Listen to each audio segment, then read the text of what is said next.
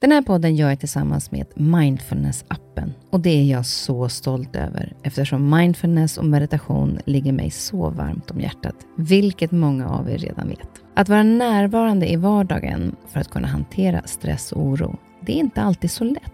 Då kan man ha mindfulness-appen nära till hands för att hjälpa dig när du behöver. För mig kan det vara så till exempel när det gäller sömnen, att vissa dagar då har jag riktigt svårt att komma till ro. Framför allt när det är mycket med jobbet. Då brukar jag använda mindfulness-appen och avsluta dagen med en avslappningsövning för att sänka stressnivån. Det gör det så mycket lättare för mig att somna sen. Oavsett om du kämpar med sömnlöshet, stress eller bara behöver en stund för dig själv så har Mindfulness-appen verktygen för att hjälpa dig att slappna av och sova bättre. Appen är utformad för att passa in i din livsstil med korta övningar som passar även de hektiska schemana. Som lyssnare till Nyfiken på så får ni 40% rabatt på prenumerationen av Mindfulness-appen. Länk till erbjudandet ja, det hittar ni i poddens Instagram, kaspersen nyfikenpa. Eller så går ni in på themindfulnessapp.com kristin. Välkomna till min podd Nyfiken på. Här får jag chansen att möta människor som jag är nyfiken på utifrån deras historia, kunskap och erfarenheter. Människor som jag inspireras av och förhoppningsvis kan vi med det inspirera er. Tack för att du är med och lyssnar. En av de ledare som jag beundrar mest är förbundskaptenen för herrlandslaget i fotboll, Janne Andersson. Min upplevelse efter att ha läst och lyssnat till honom och även träffat honom är att han är tydlig, han är varm och ärlig. En ledare som ser varje individ. Och efter att ha läst hans bok som kom ut i höstas, Att bygga ett lag, har mina tankar om honom bekräftats en del. Boken innehåller så många bra verktyg och tankar för de som är eller vill bli ledare, oavsett om det gäller att vara ledare i ett lag inom idrotten eller om det handlar om att man är i teamet på jobbet, men också även för familjen. Jag är nyfiken på vad det är som gör att han lyckas kombinera den här värmen och sårbarhet med ett extremt tydligt ledarskap. Och något som jag också önskar faktiskt fanns hos fler ledare. Det närmar sig även ett VM-kval nu i mars och ett EM i sommar, så jag vill också såklart ta tempen på hur det känns inför kommande matcher och vad han tror om deras chanser i EM.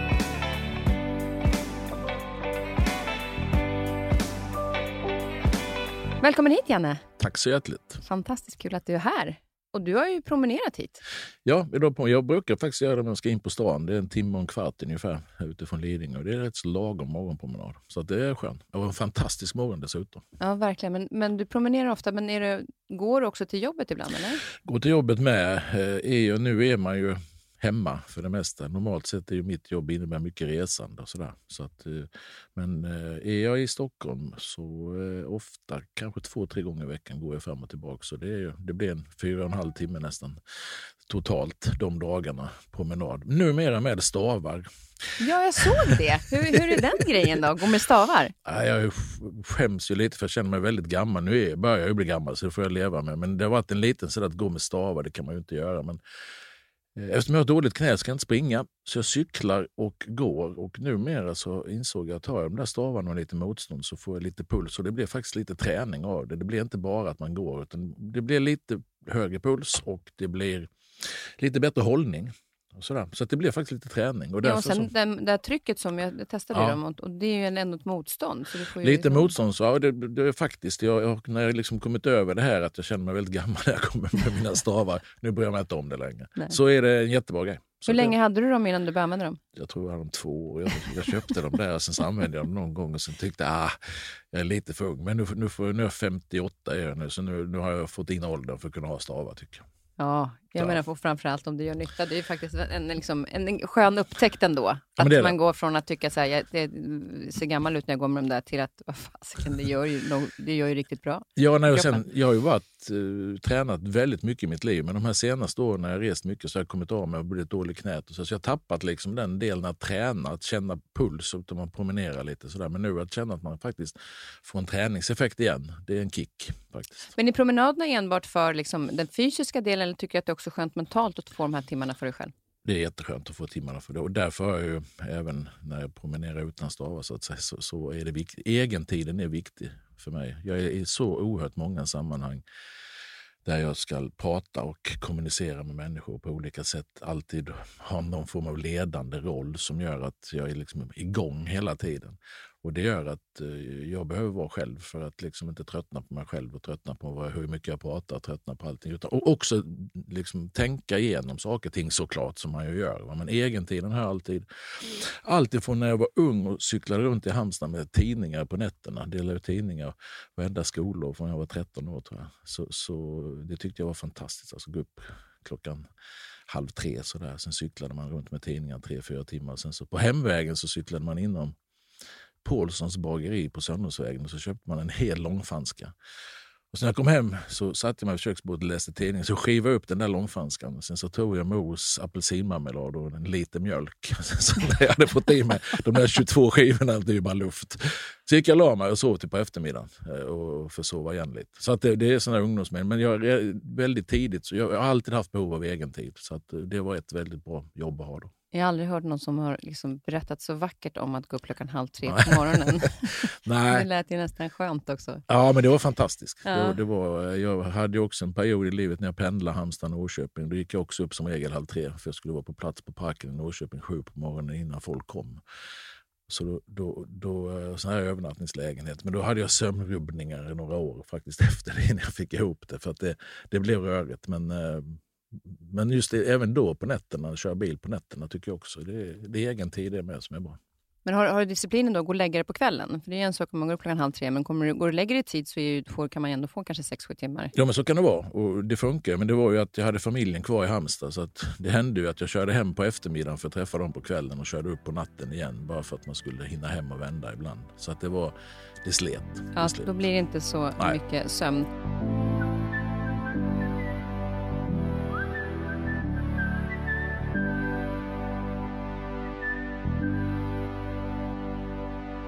Jag har bjudit in dig för att du är faktiskt en, ehm, eh, en av de ledare som jag beundrar mest. Och eh, jag kontaktade dig redan i somras och du bjöd upp mig till Svenska fotbollsförbundet. Så satt vi där och pratade om ledarskap, eftersom jag tycker det är väldigt spännande.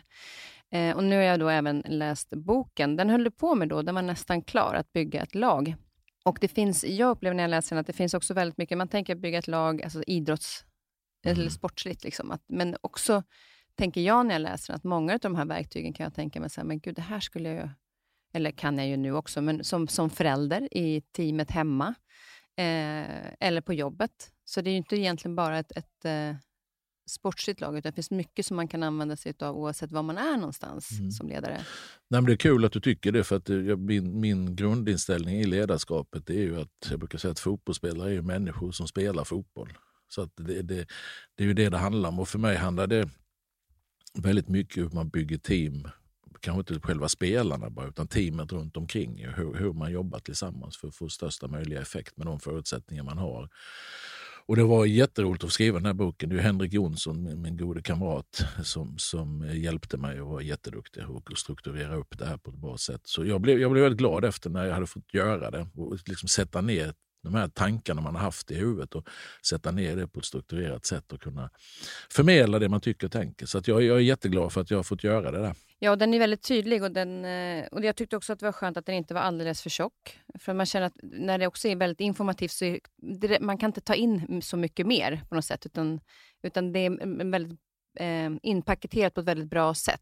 Mm, ja, tack så mycket. Det är jag, jag, jag, min största fasa med det här det var att hur vi skulle få ihop grejer till en bok. Hur, liksom att man fick ihop tillräckligt mycket. Det tyckte jag var... Så när Henrik och jag hade träffats, när vi, vi, vi satt, jag pratade och så resonerade och så skrev han. Och så skrev han ut det vi hade pratat om. Så kom det någon dag senare ett kapitel. Och så satte jag mig och läste det där och sen så rättade vi till det tillsammans. Så, så det var en rolig process. Men min stora fråga var hela tiden till honom, hur många sidor har vi? jag var rädd det skulle bli ett tunt litet häfte. Nej, den, är, den är en härlig bok. Och det här berättar du lite grann, jag tänker på med ditt ledarskap då, eh, som jag vill dela med mig till lyssnarna om, eftersom vi pratade en del i somras om det och eh, jag tycker att du är verkligen en förebild i det. Så började det väldigt tidigt också mycket i din pappa. Vad, vad, har din pappa betytt för dig i din roll som ledare? jag kan, alltså, både min far och mor eh, var ju ledare på olika sätt. Far gick ju bort 2000, eh, så att han, han är ju borta sedan länge. Mor lever verkligen hemma i Halmstad, fortfarande 80, 80 nu ska jag se så jag säger rätt, 87 år gammal. Bor hemma i huset fortfarande.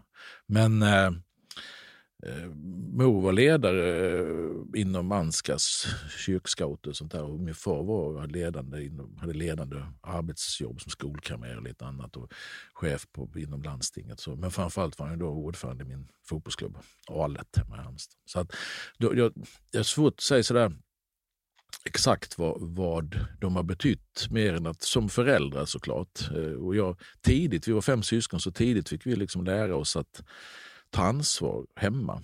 Därför att far jobbade ganska mycket och mor var ju hemmafru många år och jobbade lite grann. Men, men vi fick, liksom, vi fick ju hålla på med grejer bara vi kunde hantera det själv. så att säga. Va? Hon kunde inte sortera och, liksom med fem barn och, och att vi åker runt med oss. Och, och vi, så, vi höll på med aktiviteter och så, men då fick vi ta oss dit och hem själva. Och, så att ganska tidigt så var vi var jag nog ganska självgående. Jag tror mina fyra syskon är också, jobbar ju som ledare på olika sätt. Ja, det är det som är så fascinerande, ja, för, att alla är liksom ledare ja, på olika sätt. Ja, på något sätt är det, så på något sätt har vi fått med oss det hemifrån, både från far och mor. Eh, men eh, det jag har identifierat själv, varför jag drivs av det här, det är att jag vill i de miljöerna jag har varit med, det var alltid från skolan till fotbollsklubben till vad man nu har varit, arbetsplatser. Jag, jag vill vara med och påverka. Alltså jag, jag, vill liksom inte bara gå dit och lämna huvudet hemma, höll jag på att säga, utföra någonting. Utan jag vill vara med och påverka de miljöerna jag är med i.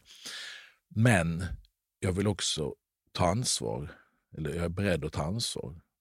Och det tycker jag det brister många gånger hos människor. Alltså det är väldigt många som har mycket synpunkter, tycker till och sådär. Men det ska genomföras eller man ska ta ansvar för någonting så är det inte alltid alla människor är kvar. Men för mig, den kopplingen har jag gjort själv alltid. Jag har alltid varit beredd att ta ansvar, men jag har också alltid varit med och påverka. Så det, det, är en tydlig koppling för mig att det hänger ihop. Och det, det, är möjligt att vi har fått lära oss det hemifrån, att ta, liksom, ta ansvar för saker och ting. Mm. Göra rätt för oss på något sätt. Och det, det är det som är den gemensamma nämnaren för oss på något sätt. Just det, och det här med att påverka, är det att, att eh, påverka att laget växer eller påverka framgång? Alltså det blir ju såklart i ledet så blir väl det kanske samma sak. Men vad är det du känner att du tycker är det häftigaste med att kunna som ledare påverka? Alltså nu som ledare, det, det är ju enormt roligt att, att märka när människor växer. Alltså att får man vara med om... Jag har jobbat så mycket med unga fotbollsspelare i mitt liv. Jag har haft glädjen att jobba med jättemånga som det har gått bra för sen. Och när man träffar de här första gången de kommer på träningen, de är kanske 16-17 år och får träna med A-laget första gången och sen så går det kanske ett halvår så får de vara uppe som lärling och sen så går det ett halvår till så blir de ordinarie i A-truppen och så spelar de lite i B-laget och så går det ett halvår till och så spelar de i A-laget och så går det ett halvår till så helt plötsligt är de bland de bästa och så går det ett halvår till och så blir de sålda till utlandet och sen tänker man hur gick det här till? Alltså vad hände på vägen? Och att få vara med i den processen och vägleda unga människor eh, liksom framåt. Där man ibland, jag brukar säga ibland får man klappa dem på kinden, ibland får man klappa till dem i huvudet, ibland får man krama om dem, ibland får man skälla, ibland får man, alltså, och med frågor på olika sätt vägleda dem. Den processen är så fantastiskt rolig. Alltså. Så det är väl det enda jag saknar i mitt jobb idag. Att Eftersom jag inte har spelarna på det sättet. De är inne och sen är de i sina klubblag igen. Det här att dagligen jobba med utveckling av människor, det, det är väldigt, väldigt roligt. Mm. Det är lite grann som föräldraskapet också. Ja, att, nej, det här, det att man verkligen ser, liksom, ser den här utvecklingen och nu ska de flyga. Liksom. Och så är de, vad hände under den här ja, Vad hände? Ja, vad hände? Ja. Det är, jag, jag tror jag har det exemplet, ett, ett av de här många fina exemplen jag har, även som jag har skrivit om boken, med, med en spelare jag hade med Halmstad som liksom från början fick vara med och sen, sen eh, följa hans utveckling. Och sen till sist då så sitter jag hemma och tittar på Champions League och då spelar han i ett lag, för jag vill inte tala om vem det är, och så möter Real Madrid på Santiago Bernabéu i Champions League. Och då sitter jag och gråter. Nej, vad häftigt. Och jag gråter, så min fru då, hon blir lite så här, du behöver inte gråta åt sånt, tyckte hon. jag, eller gråt, jag blir så rörd när jag ser honom, för jag har följt honom från han kom cyklande ned till vall första gången och lätt förvirrad till att han faktiskt stod. Och det var inte tack vare mig han hade kommit dit på något sätt. Men jag fick vara en del i den processen och se hur det kan gå. Ja. Fasen hur roligt det kan bli. Alltså. Så den, den, delen saknar jag idag i mitt jobb, för att det blir inte riktigt samma sak. Men där ser man ju också väldigt tydligt också att du är intresserad av människor som eh, ledare och att, att, att, se dem växa. Men det är också det som visar vilken människa du också är, som kan känna den glädjen. Framförallt, för du väldigt, pratar väldigt mycket och skriver väldigt mycket om individen. Mm. Hur tänker du kring individen i sig när du jobbar med de olika spelarna i laget? Nej, och det är ju att, att bygga ett lag är väldigt mycket mig då. Därför det är det jag har jobbat med så länge. Och det handlar ju precis om det du är inne om nu. För att bara för att man tror på ett starkt lag så behöver det ju inte betyda att man tror på starka, att man inte tror på starka individer. Det finns ju total feltänk. Folk ja men alla måste vara likadana om man ska vara med i ett lag. Nej, det är precis tvärtom. Alla ska ju vara olika. Men vi måste vara överens om gemensamma värderingar och grunder. För att ska vi varje dag hålla på och lägga energi och kraft på sånt som borde vara självklart i en grupp människor. Att, eh, jag har varit med om det, man, vi, vi, kan sitta och jobba, när jag jobbar i klubb, så bestämmer man någon som sitter och gnäller över något. Ja, men har du gnällt över det, vad ska vi göra åt det då? Ja, men då bestämmer du över det här åt ja. Så går det två dagar. Så sitter personen och gnäller över samma sak igen. Så, men det där har vi hanterat. Vi, vi, kan liksom inte stå och trampa i samma dynga hela tiden. Då kommer vi inte vidare. Utan vi måste vara, ta ett beslut, tala om hur vi ska ha det och sen går vi vidare. Och På så sätt kan man processa saker och ting hela tiden framåt. Och Kan vi vara överens om det då, det handlar ju både om hur vi ska spela fotboll på planen eller hur vi ska jobba tillsammans i övrigt. Jag, min första grej när jag träffar landslagsspelare nu det är inte att prata fotboll, det är att prata om hur vi ska ha det tillsammans i gruppen. Hur vi ska jobba tillsammans för att slippa lägga energi på alla de här, så här skitsakerna som bara kostar. Så att, där bottnar vi. Men sen utifrån det perspektivet så ska vi vara olika. Ju. Alltså har jag ett ledarteam som jag har med närmast mig med fyra medarbetare som jobbar kring fotbollen. Är vi likadana och tycker samma saker och är stöpta på samma sätt, då kan jag lika gärna göra det själv. Då behöver jag inte ha dem där. Utan det intressanta är att vi har samma värderingar, ungefär samma synsätt på hur människor fungerar med ledares äh, människosyn och sådär. Men därifrån så ska ju olikheterna fram. Och det är samma i ett fotbollslag. Alltså är, man med, är man bra på att dribbla, är man bra på att skjuta, är man bra på att nicka, då är det ju det man ska bidra med in i laget. Det är därför man är uttagen. Och hur mer egenskaper man kan få ihop i en grupp människor, men som ändå bottnar med inom samma liksom, ram på något sätt, ju bättre blir det. Så att, för mig är det, finns ingen motsatsförhållande, men det är många som tror det. Och i Jannes lag måste man vara på ett visst sätt. Det är någon journalist som sa till mig, jaha, jag, jag begriper inte vad du pratar om. För mm. Det är precis tvärtom. Olikheterna är det intressanta, det är det som gör dynamiken i ett lag och i en grupp människor på en arbetsplats eller var den är någonstans. Så att, skulle alla vara likadana som jag så hade det varit dötråkigt. Mm. Utan det är olikheterna. Men du går ju väldigt noga in i varje, varje spelare och varje individ eh, för att hitta den, alltså deras styrka som är olikheterna men också den gemensamma nämnaren. Du har ju bland annat då, eh, skrivit om de här två grupperna, den goda viljan ja. och den tveksamma viljan. Ja. Kan inte du berätta om dem? Jag har ju varit med, kommit i grupper på olika sätt. Jag brukar säga tveksam, eller jag brukar säga ibland folk som är lite tröga också, men det, det är G och T. Då. Men, men det är min högst egna icke-vetenskapliga tes om, om hur det funkar i en grupp. Jag tror att man har man goda krafter i en grupp, det vill säga människor med bra värderingar som är schyssta mot varandra, vill göra varandra bra, ställa upp på varandra, se till att saker och ting funkar. Vi kommer i tid, vi har respekt för varandra, alla de här grundläggande grejerna så tror jag man kan skapa en, en god kultur. Men det finns också en, i vissa grupperingar kan det finnas en tveksam kultur. Och det är människor som är mest intresserade av sig själva och som liksom inte har en längre respekt och så vidare. Eh, och jag har kommit in i miljöer där det har funnits bägge delarna. Och för mig handlar det då om att man, de flesta, som även de som har liksom den tveksamma viljan, eh, som kanske, det, det beror många gånger på att de inte, någon har talat om för dem eller man har beskrivit och förklarat saker och ting. Så jag tror att man kan vinna över människor genom att förklara för dem att så här funkar det. Har du tänkt på det? och så vidare. Sen tror jag att man kan förstärka den goda viljan genom att självklart ta in personer som motsvarar de värderingar som man själv tycker ska finnas i den goda viljan. Och Jobbar man på det sättet så starkt så blir den goda viljan den blir liksom större, den kraften blir större, den tveksamma viljan blir mindre. Och till slut, så, de här då som kanske inte riktigt har begripit från början, de inser att det är ganska bra att vara med. Den goda viljan, för de är mycket roligare, för där är det liksom ordning och reda och människor vill ha ordning och reda i grunden. Så på så sätt så tror jag man kan vinna över många människor, som, många, men de som kanske inte riktigt själva inser sitt eget bästa många gånger.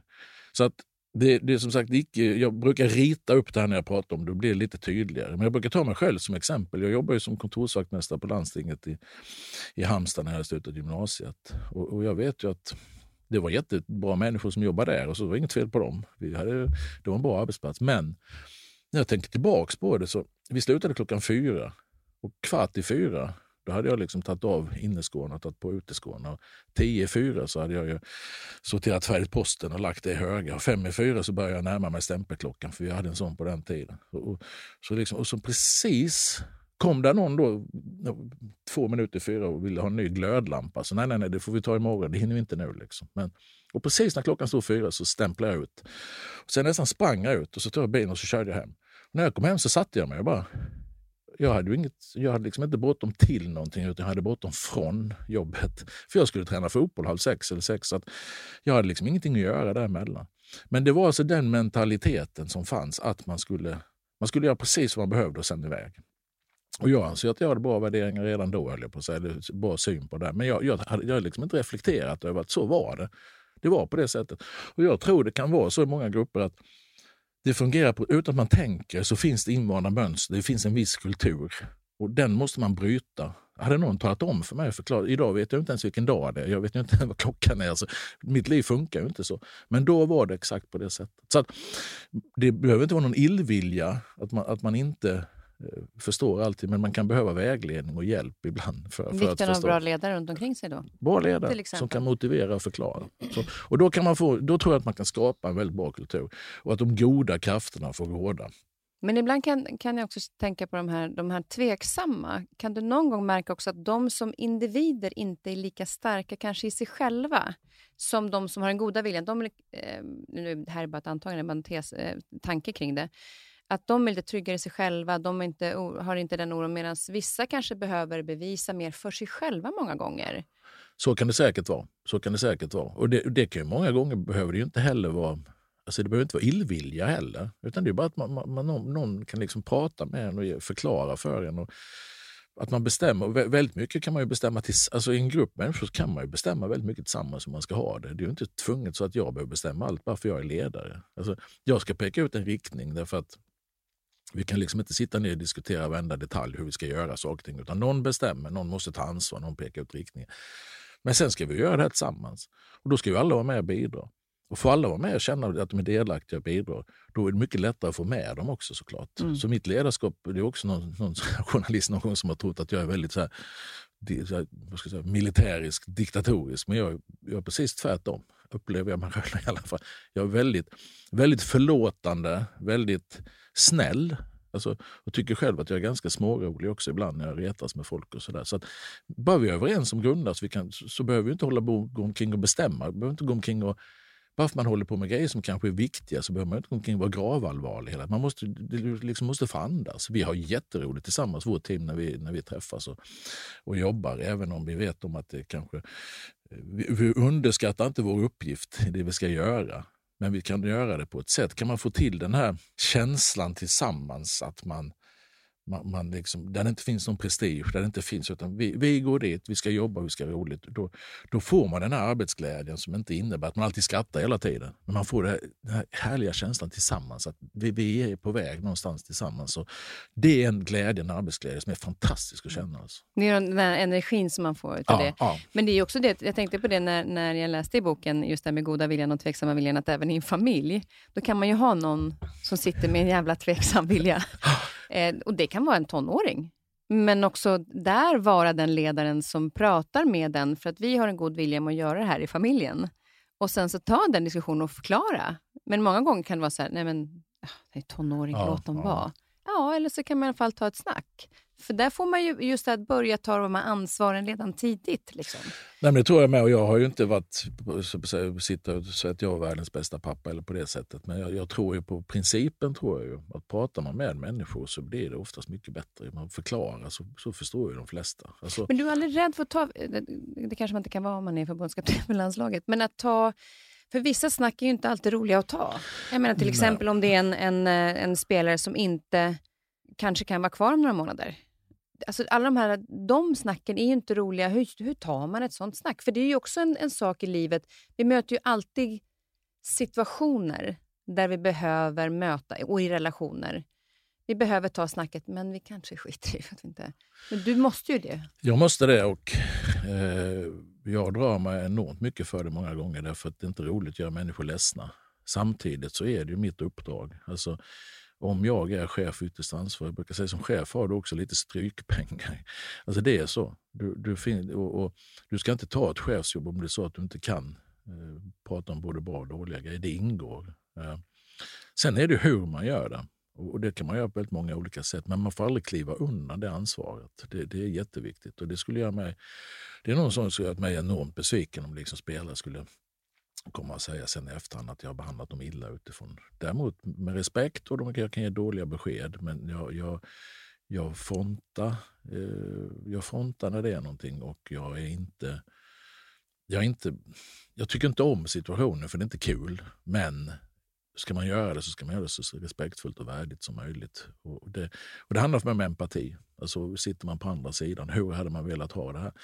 Sen kan ju inte alla spela i ett fotboll. Vissa får ju inte spela. Alltså, så är det. Och kontrakt går ut och ibland väljer man att inte förlänga kontrakt. Men då ska man vara tydlig och rak och, och prata om och förklara hur saker Är det också så att du förbereder, om du vet att det kanske sker längre fram, men att du tänker att ja, men jag förbereder lite så att de mentalt kan börja ställa in sig på att det här kommer eventuellt att ske? Ja, man kan ta ett tidigt snack där man kan förvarna. Eh, till exempel det här nu med, det är mer klubblag, att vi säger att ett, en spelares kontrakt går ut om ett halvår, att man redan på sommaren, går ut efter säsongen, redan på sommaren så kan man ta ett första snack och säga att Eh, som läget är nu så finns det en risk för att vi inte kommer förlänga kontraktet med dig. Jag vet inte hur du ser på det, det frågar man ju spelaren själv. Så, där, så att de får börja tänka i de här banorna. Så att det, kommer.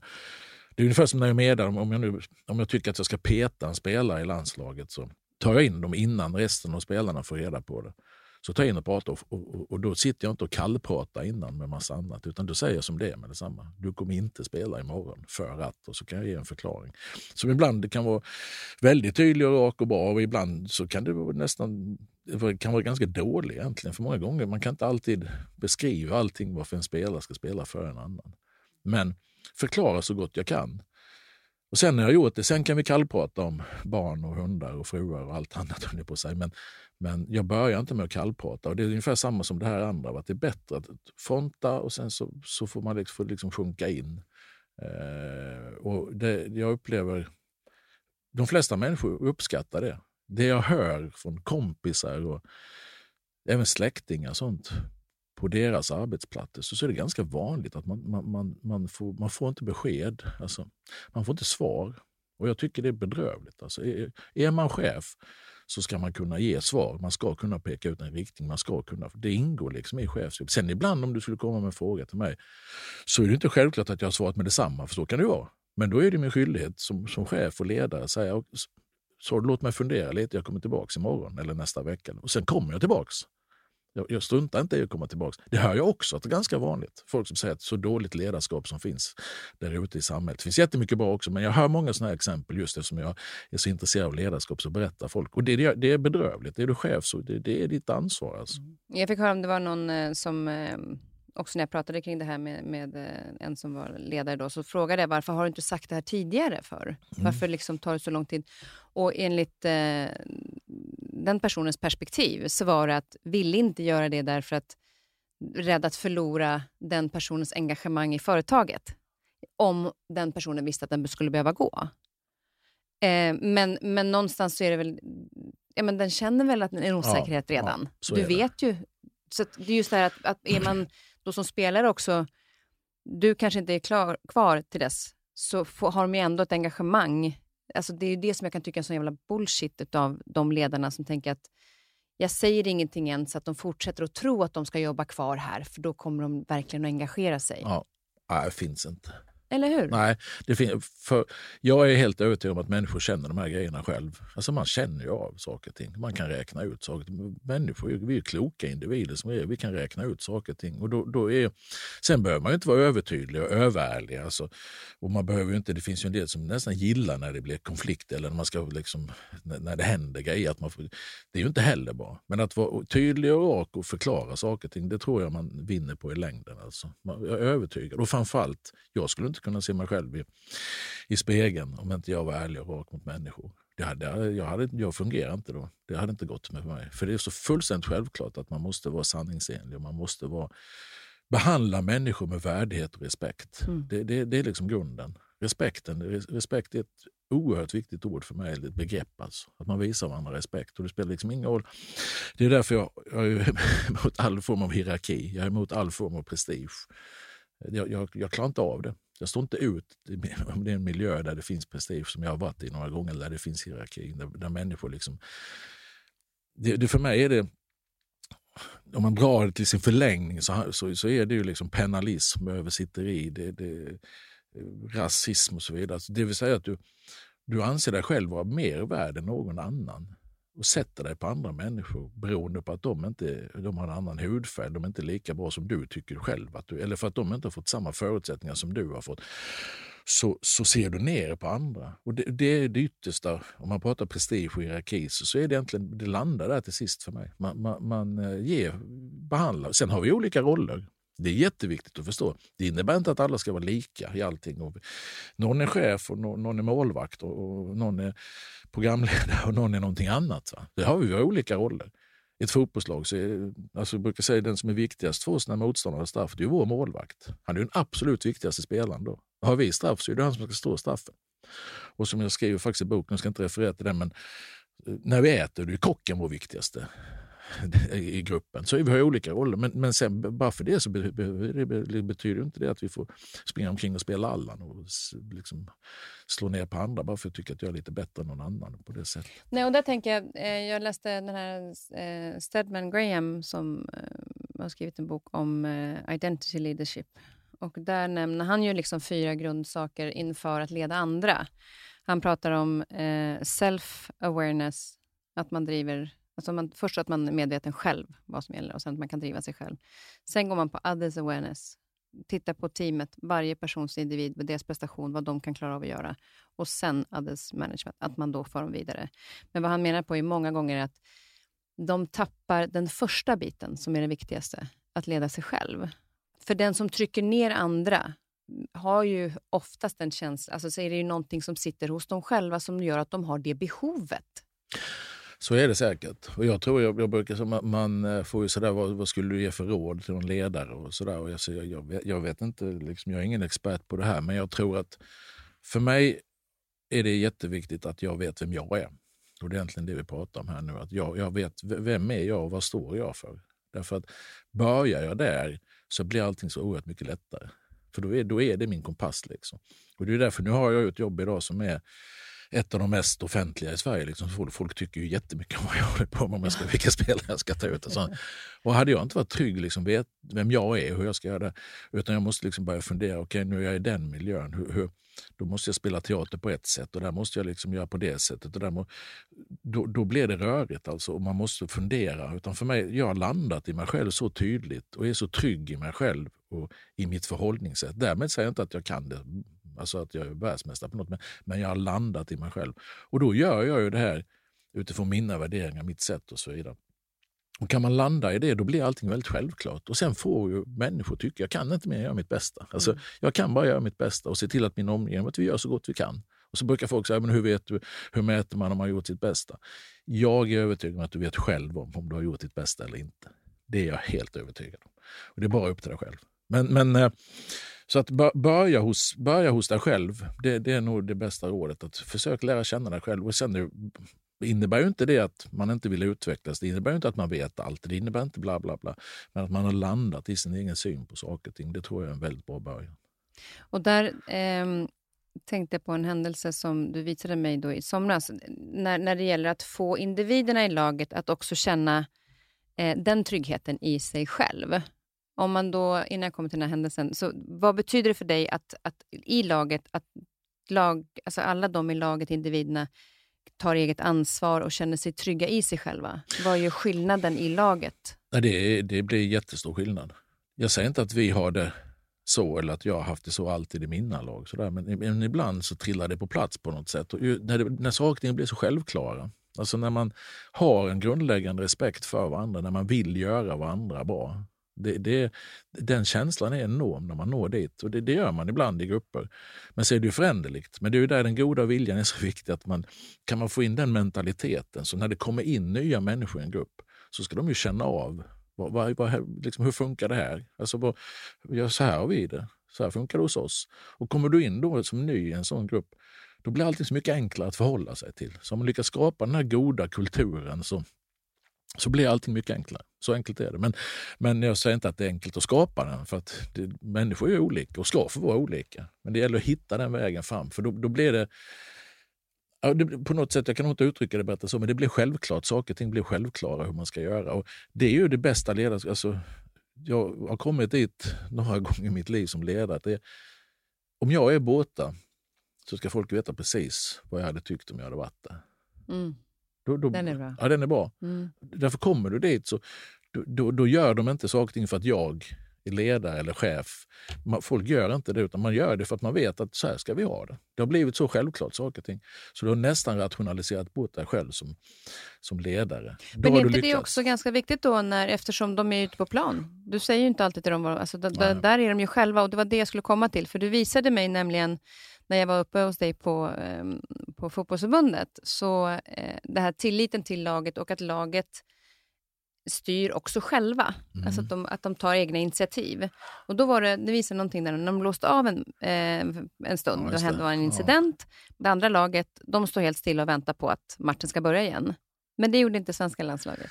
Nej, och det, det eh, gör mig lite småstolt faktiskt att vi har kommit dit. Ehm, och det är ju, vi jobbar ju med de här grejerna. Jag tror inte på slumpen. Jag tror ju att man ska jobba med saker. Vi har ju, jag har Daniel Ekvall som, som är idrottspsykologisk rådgivare som jag jobbar med redan i Norrköping i- fem och ett halvt år som jag sen tog med in i landslaget och som jobbar också som utbildare på förbundet som beteendevetare. Och han, eh, han, vid varje samling vi har med spelarna så har han gruppträffar. Eh, vi delar upp spelarna i tre grupper. Där han kör ett antal frågeställningar med dem. Hur kan vi göra varandra bättre? Hur kan vi påverka när matchen är nu? Vad, vad blir viktigt? Där de själva får tycka och tänka. Och Det innebär att de, de har kommit, och det har vi ju hållit på med nu, så vi har kommit in i det tänket. Och Det gör att när vi sen har matchgenomgång så har vi en, vi har en taktisk plan hur vi ska spela. Men vi har också alltid en mental plan in i matchen. Det vill säga, vad blir viktigt? Och då är det spelarnas egna ord som vi sammanfattar och förklarar. Och det, det tar Daniel. Då. Och där bland annat då har vi sagt att eftersom vi då är ett landslag som vi träffas ju eh, och spel, nu, nu, nästa gång vi har landskamp så träffas vi två dagar, sen ska vi spela en VM-kvalmatch. Och det är klart att vi kan vi då vid varje tillfälle vi får, eftersom vi inte spelar tillsammans med varandra varenda dag, i matchen coacha varandra, prata med varandra, hjälpa varandra vid spelarbord till exempel, så är det ju en enorm fördel. Det är en konkurrensfördel mot motståndarna. Om vi gör det och inte de gör det.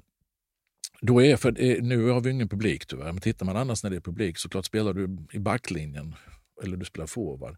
Det är ganska långt ifrån. Man kan liksom inte prata med varandra under match. Men får du ett spelarbort så kan du prata med varandra. Säg att nästa gång, tänk på det han, han brukar kliva på i ryggen, så spela på den sidan eller bla bla bla. Vad det nu är för någonting man säger.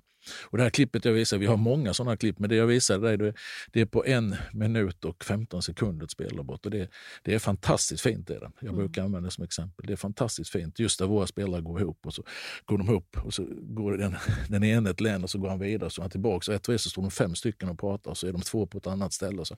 Alla delaktiga i att liksom coacha varandra. Det och dessutom är klippet från när vi möter eh, Malta hemma. Jag vill, så att det är liksom inte en sån där, med all respekt, det är inte mot någon stor nation där man är hundra, utan även i den här typen av match som är då, där vi förmodligen leder matchen redan och så där, så är man ändå så engagerad och intresserad av att hjälpa varandra. Och det är bra. Mm, och det är, så väldigt bra. fint tycker jag, för att just det här att, att ha den att, att spelaren, oavsett, det är kanske är en tyst spelare som inte säger så mycket annars, men att, att, att den känner där och då kan jag ta. Det spelar ingen roll vem det är som säger någonting, utan alla har den chansen att komma till tals och då lyssnar de andra. Det är en sak att den säger något, och så att, men att det blir mottaget också. Mm. Ja, men det är det. Jag, jag, och man tror ju som coach, alltså som, man kan, jag kan ju förbereda laget fram till matchstart. Men sen när matchen börjar så vi har, man har inte så stor påverkanskraft. Även om man står där och gapar, skriker och pekar och så, där, så, så kan man inte påverka så mycket som händer på planen. Man kan inte det. Utan det är pausen, sen som man har chans att korrigera sig någonting. Och sen kommer andra halvlek. Men det här kan ju spelarna själva. Och det, är, det är en enorm för, konkurrensfördel mot motståndarna. Och det, jag brukar säga att det kostar ingenting. Man ska vara bra på allting som är gratis. Ja, den sa du som att Ja. den är så himla bra. Ja, det som är gratis finns ingen anledning att vara bra på det. Det kostar inte en spänn att försöka hjälpa kompisen på planen. Vi kan inte skylla på resurser. Vi kan inte skylla, och jag har sagt samma när du pratar företag. Och, nu kan jag inte företag så här, så det, det är förmätet, men jag vågar påstå att det är över likadant. Att vi kan alltid skylla på att de där borta har mer resurser än oss, eller de har det. Eller, och sådär. Men, men ja, men vad har vi då? Jo, vi har det här. Och vad kan vi då göra med det? Och då kostar det inte en spänn att ha en schysst attityd och vilja bidra och vilja komma med energi in, in i det vi har. Och då kan vi maximera det vi ska göra.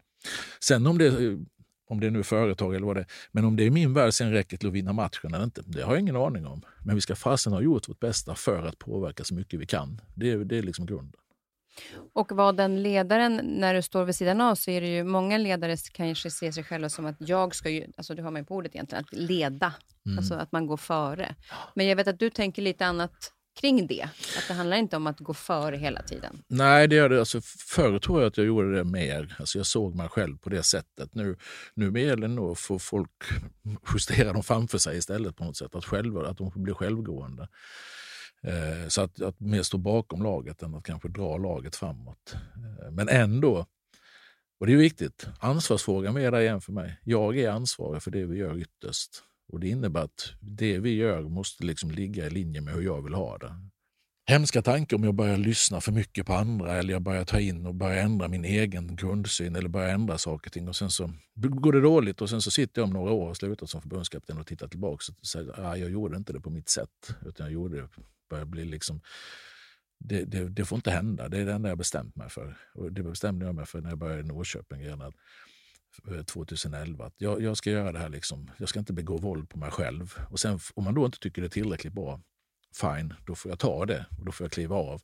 Men jag ska inte göra det på något annat sätt, för det är jag, jag som har det yttersta ansvaret. Och går det åt helsike så är det jag som hänger i trädet där ute och går, går det bra får de väl klappa, klappa om alla andra också, det har jag inga som helst problem med. Men jag får inte göra avkall på min egen grundsyn. Och det, det, det, det och det, den har ju, det, men sen betyder inte det heller att man är fast. Att allting, utan det intressanta är ju att söka nya vägar och vara nyfiken. Och allting, men ändå, som jag var inne på innan, måste bottna i mig själv. Det, det är jätteviktigt. Det är väl också en trovärdighet att om du tror på dig och det återigen är self-awareness, att, att du är trygg i det, så blir det ju att det ger ju en trygghet till de andra också.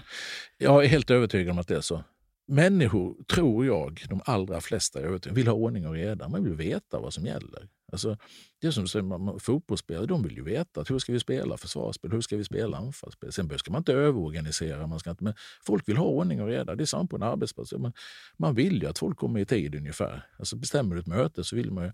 Jag, jag kom, var i Norrköping första året. Jag kom, vi skulle ha bestämt möte klockan tio. Klockan tio satt jag där själv. Sen kom någon insläntrande fem över tio. Så, men vad, vad är det frågan om? Har vi bestämt tio så är det ju tio. Vad är det för jävla brist på respekt för andra människors tid? Måste, vissa kulturer måste sätta så här. Det, och det vill människor ha. För du vill inte sitta där själv nästa gång och vänta för någon annan att det kommer. Utan du vill ju. Och den, de här grundläggande grejerna måste... Och det, det tror jag alla människor i grunden vill ha. Det, och ibland kan det upplevas som lite fult med ordning och reda. Sådär. Men, men det, det är bra. Det är bra.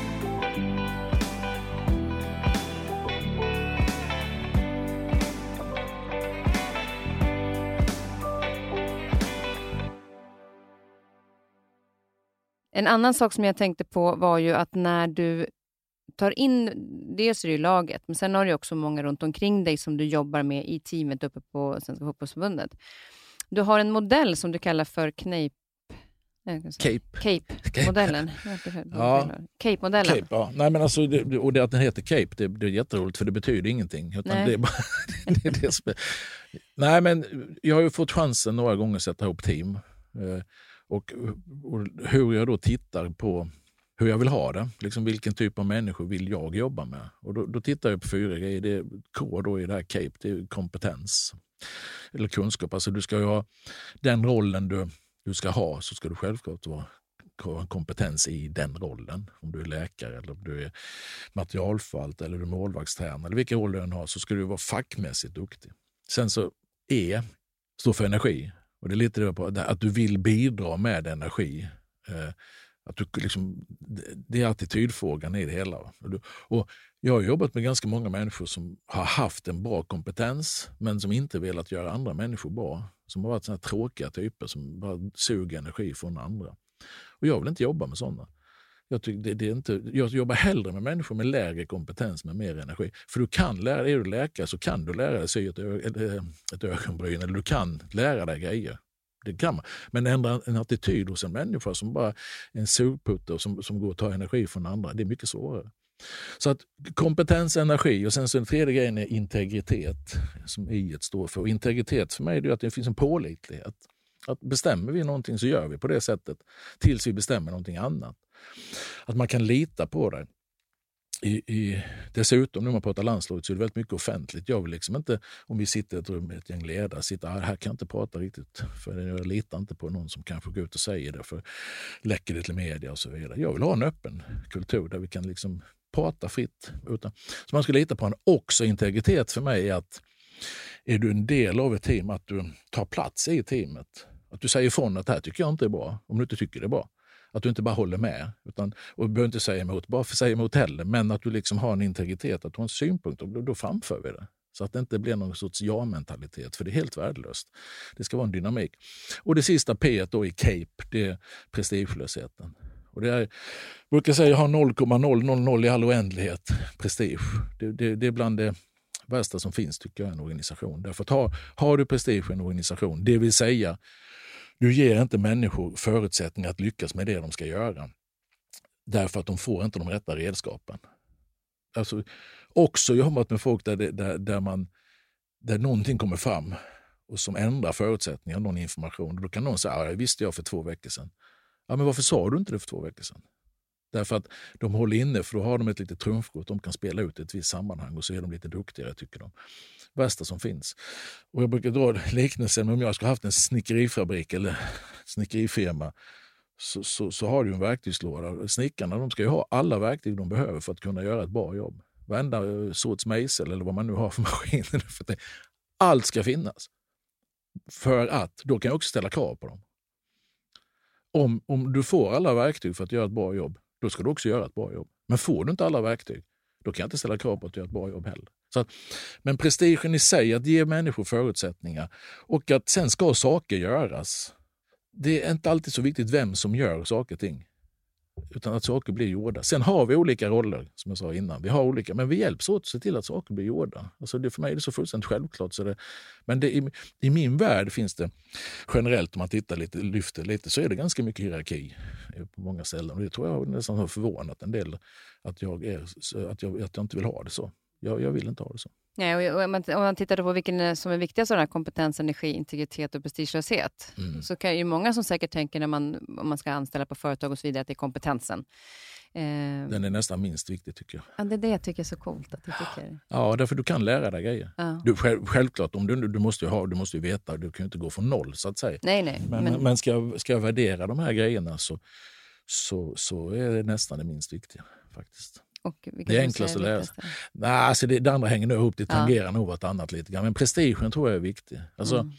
Jag vet ju, jag tror jag har med det åt med boken, men när vi pratar om de här grejerna. Men jag vet, jag tror det var första landskampen när vi kom ut och vi ska ta eh, det står ett gäng väskor liksom, utanför bussen som ska med in. Och jag tar två väskor. Och då är det någon som säger till mig, men du ska inte ta det. Någon av de andra ledarna. Vadå då? Nej, men du är förbundskapten. Ja, men du menar att jag inte kan hjälpa och bära, bära har jag liksom inga armar för jag är förbundskapten? Det är klart, om det står väskor så bär vi väl väskorna. Det, krångligare är det ju inte. Och det, det, är så självklart att det ska vara på det sättet. Sen är det jag som bestämmer om någonting annat för jag är förbundskapten. Men nog fan kan jag bära några väskor. Det är jättekonstigt annars. Men, men det här är alltså ganska vanligt. Att man, man, man ser det inte på det sättet. Och jag, jag, jag tycker att kan man få en miljö där vi hjälps åt så är det, det är mycket roligare. Mm. Det är jättemycket roligare. Ja, det är som skillnad. Eh, en annan sak i ledarskapet är ju att ehm, som jag har nördat in mig på kanske lite grann en period, men det var just det här med sårbarhet inom ledarskap. Att sårbarhet, att förut har jag sett det som att det kanske är en svag att det, att det var svag att vara sårbar, när jag själv har känt mig det. Jag ska inte säga det om andra, men att men jag har aldrig känt mig svag, jag hade nog snarare känt mig skör. Men sen när jag insåg vad sårbarheten också kan göra genom att jag förstår andras sårbarhet, och våga blotta det så är jag ju också en del av att vara ärlig. För att om man ska vara ärlig gentemot sina spelare och de ska kunna vara ärliga gentemot dig. Hur ser du på vikten av att kunna visa sig sårbar för dem? Jag tror det är en mognadsfråga. Nu pratar vi både spelare men vi pratar också liksom ledarteam och människor generellt man jobbar med. Så tror jag att det, jag, förr var jag ju sådär att jag, eh, jag vet jag jobbar med Tom Prahl, min gamla vapendragare i Halmstad.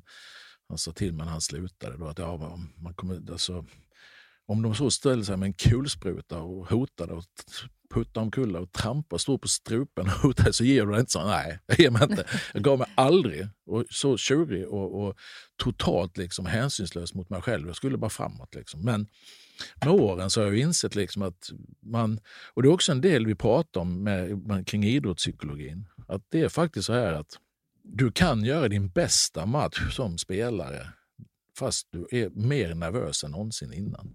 Därför att om du accepterar de känslorna, vi är människor och vi har ju känslor. Eh, vi är ledsna, ibland är vi glada, ibland är vi besvikna, ibland är vi... Låta de känslorna komma, men sen fokusera på vad man ska göra. Ett litet uppvaknande för mig det var i Norrköping när vi 2014 vi låg pyrt till i, i eh, allsvenskan. Då. Vi hade ett ganska ungt lag, vi hade investerat mycket speltid i unga spelare. Och vi låg ungefär mitten på tabellen. Så kom augusti månad. Vi tog två poäng på sex matcher. Helt plötsligt bara sjönk vi i tabellen, så då var vi på nedflyttningsplats. Och jag tänkte att då hade det varit liksom, mitt fjärde år i klubben. Vi hade byggt det här medvetet. Vi hade många unga egna spelare och jag kände att det här, det här kommer bli bra så småningom, men vi får inte trilla ur allsvenskan nu. Och jag, det, det, var panik. Jag hade panik. Alltså, för det här kommer, det här, det, det, nu blev det ett SM-guld året efter, men det visste jag inte då såklart. Men jag visste att det skulle komma en uppsida, för det var många unga spelare som vi medvetet gav mycket speltid. Och det, det, får liksom inte gå till Och jag hade, det var så jobbigt. Och jag vet jag kom in på, på parken i Norrköping tidigt Eh, morgon. Då kom en av de äldre spelarna, eller de äldre spelare som har varit ganska länge i klubben. Han var också ganska tidig. Och då satt vi och pratade. Jag vet inte, jag ska prata med honom, jag vet inte om han kommer ihåg det här, men vi satt och pratade och eh, jag beklagar mig. Det här är ju, fan, jag sover inte på nätterna. Liksom. Det är så jävla tråkigt. Det, det, får inte hända. Det här, vi, vi måste vända. Liksom. Och, hade, och vi satt och pratade och för mig var det nog första gången jag blottade så tydligt hur sårbar jag var och hur, hur ledsen jag var över att vi för innan har jag bara liksom gått rätt fram. Det, det, vad som händer så har jag bara gått rätt fram. Jag har gått först. Men där kände jag liksom att jag kunde öppna upp mig på det sättet. Och jag mådde så bra av det. Att jag faktiskt, ja, det är så. Här. Sen gick jag ut och tränade. Och då fokuserar man på vad man ska göra på träningen. För det är det intressanta. Vad ska vi göra? Men låta känslorna finnas med och öppna upp för det.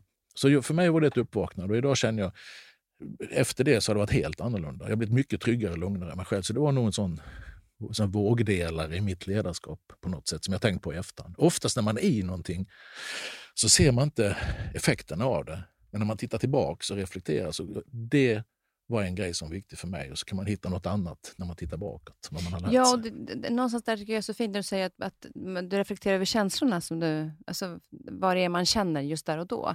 För att någonstans om vi inte reflekterar över vilka känslor vi har så är det svårt också att förstå vad är det som orsakar att jag känner så här.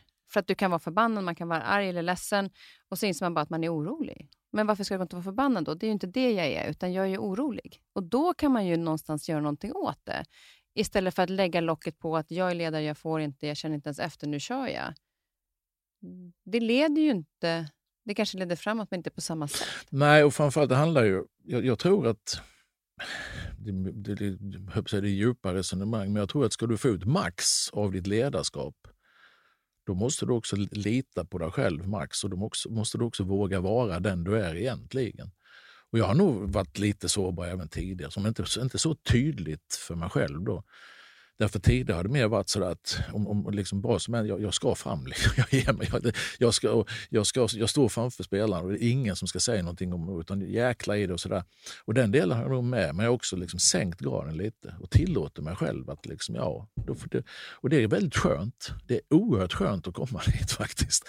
Och, och, och liksom inte behöva vara så, för annars går man omkring och nästan är det här lite småspänd hela tiden och det, det kostar energi också. Att bara kunna, och det, mycket handlar ju också om att man har, som vi har i landslaget, vi har ett team, ett fantastiskt ledarteam har vi. Alltså det är makalöst bra människor.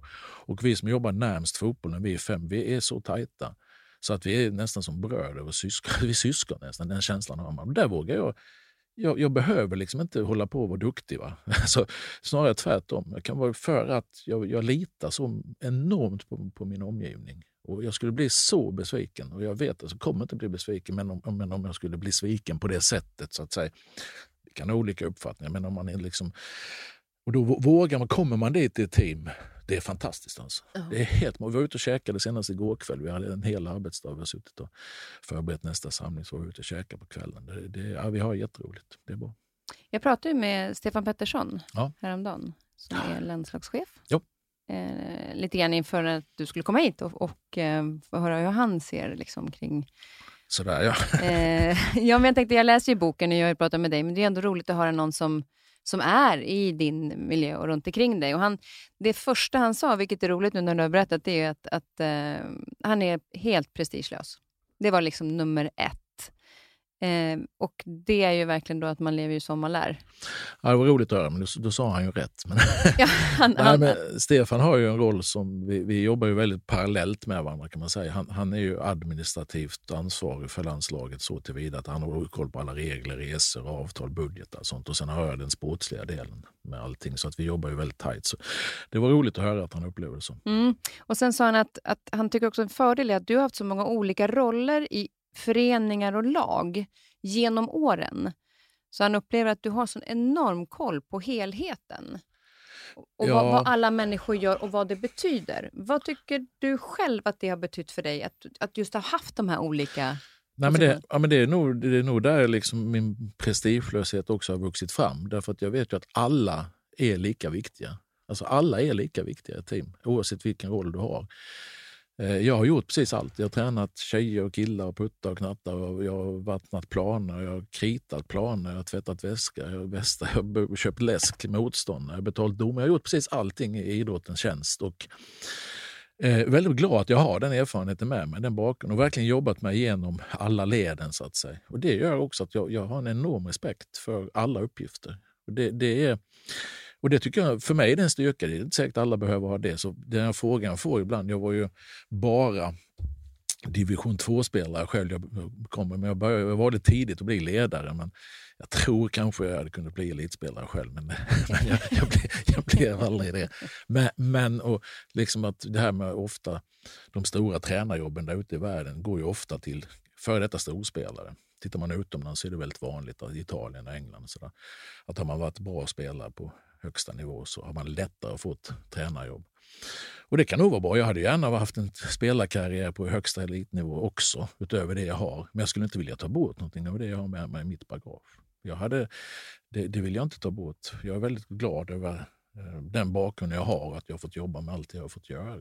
Sen, så kanske jag, hade jag varit spelare också på elitnivå så hade det nog kunnat vara bra. Men, Mm. men som sagt, eh, jag tror inte att det är självklart att bara för man har varit spelare på högsta nivå att man blir en bra tränare. Det, det är inte självklart. Nej, och jag kan, jag kan också tycka någonstans att det i, lite grann när man tittar runt omkring, dels där jag jobbar men inom andra branscher, så kan det kännas lite grann idag att det är så viktigt att ha en bra position snabbt. Alltså det känns som att de yngre har lite bråttom till att komma till det här att eh, jag är chef eller jag är le- gruppens ledare, istället för att faktiskt harva lite innan du kommer dit. Och, och eh, jag brukar säga det när jag föreläser, jag är så otroligt tacksam för eh, inom TV. Jag började med att koka kaffe och, och dra kablar och, och liksom vara bud.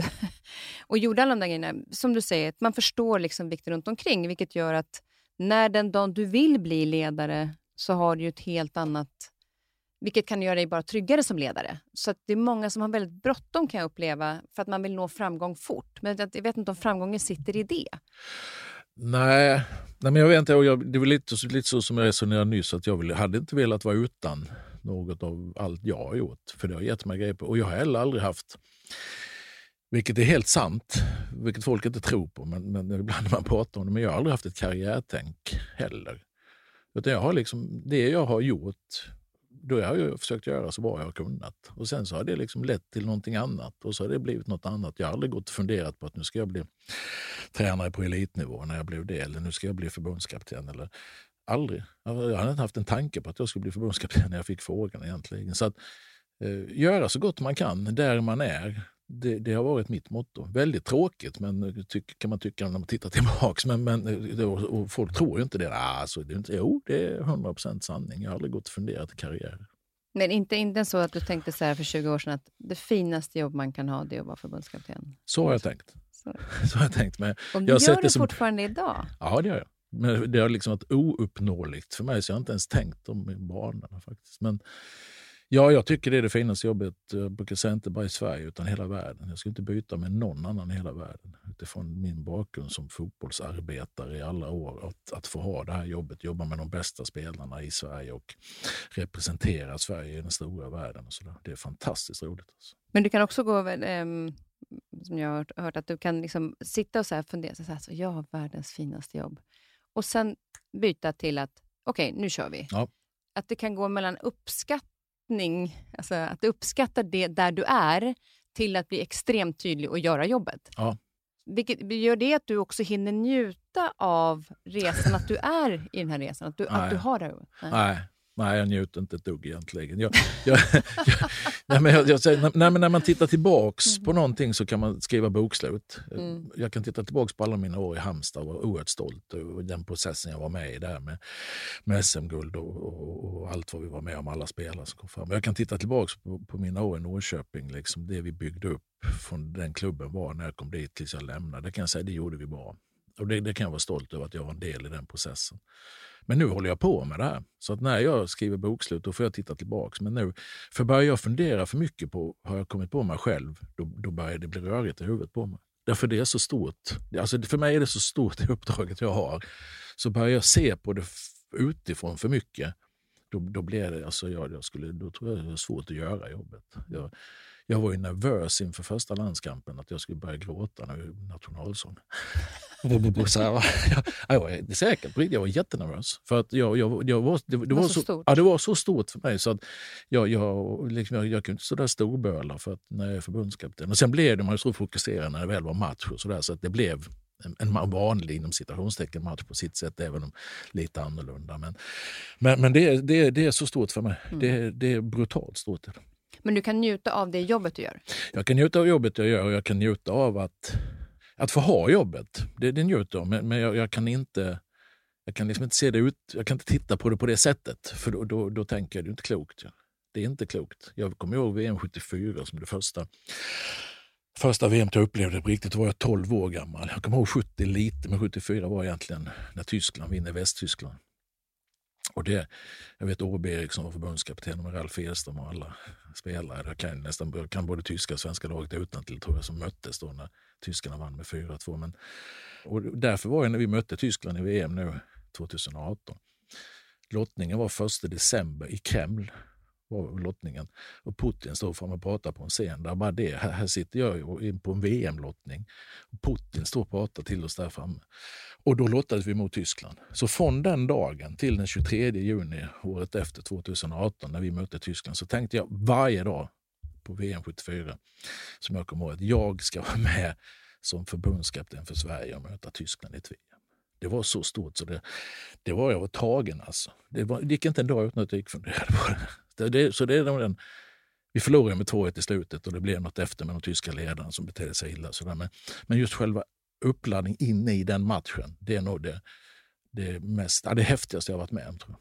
Men var det inte också efter, efter den typen av match där, där någon av spelarna tog kommandot in i omklädningsrummet? Eller Nej, var det inte efter den, Nej, det var inte efter den matchen. Men det var 2018? Det var 2018, men det var när vi det var, det här, den matchen var ju, blev ju efterspelet blev att tyska ledare var framme och hånade oss och vi flög upp och det blev nästan, ja det blev, hade inte blivit slagsmål heller men det var, det var fruktansvärt fult och osportsligt de gjorde. De avgjorde i sista sekunderna. Och sen kom den här Jimmy Durmaz grejen om du kommer ihåg med mm. hans näthatet mot honom. Det var efter den matchen och sen mötte vi Mexiko. Och den laddningen från Tysklands matchen slutade fram in i Mexiko-matchen som då är vinna eller försvinna och som vi vinner med 3-0 och gör en fantastisk match. Hela den, eh, så, återigen, jag tror jag skriver i boken med att kunde man liksom skapa den gruppdynamiken, den känslan vi hade i laget in i den matchen som började med slutsignalen Tyskland, Jimmy, näthatet och sen laddningen in kunde man liksom ringa in exakt hur vi fick till det, så skulle man, om det nu fanns något Nobelpris i, i gruppdynamik. Så, så, för det, det börjar som, för mig är det oerhört magiskt. Kunde bli så. Och det är ju Ola Toivonen som tar initiativ i, i eh, omklädningsrummet inför matchen på ett fantastiskt sätt. Och det ska jag också prata med Ola, jag har inte träffat honom. Jag ska fråga honom nu om han kommer ihåg det här. Jag skickade boken till honom bara för att se om, om, han, kommer ihåg, ja. om han kommer ihåg det här tillfället själv. Men jag, vi ledare kommer ihåg det. Det var, det var liksom när vi har ju laddat in i matchen med genomgångar och matchtaktiskt och allting. Bla, bla, bla. Sen är de ute och värmer upp och så kommer spelarna in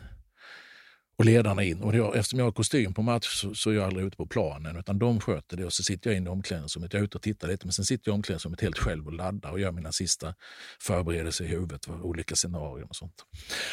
Och när Peter Wettergren, min, min kära kollega, kom in så frågade jag hur var uppvärmningen? Och då säger han att vi kan inte förlora idag. Så nej, och man ska veta då att man, man, jag har frågat massvis av gånger kollegor och ibland säger jag det är jättebra.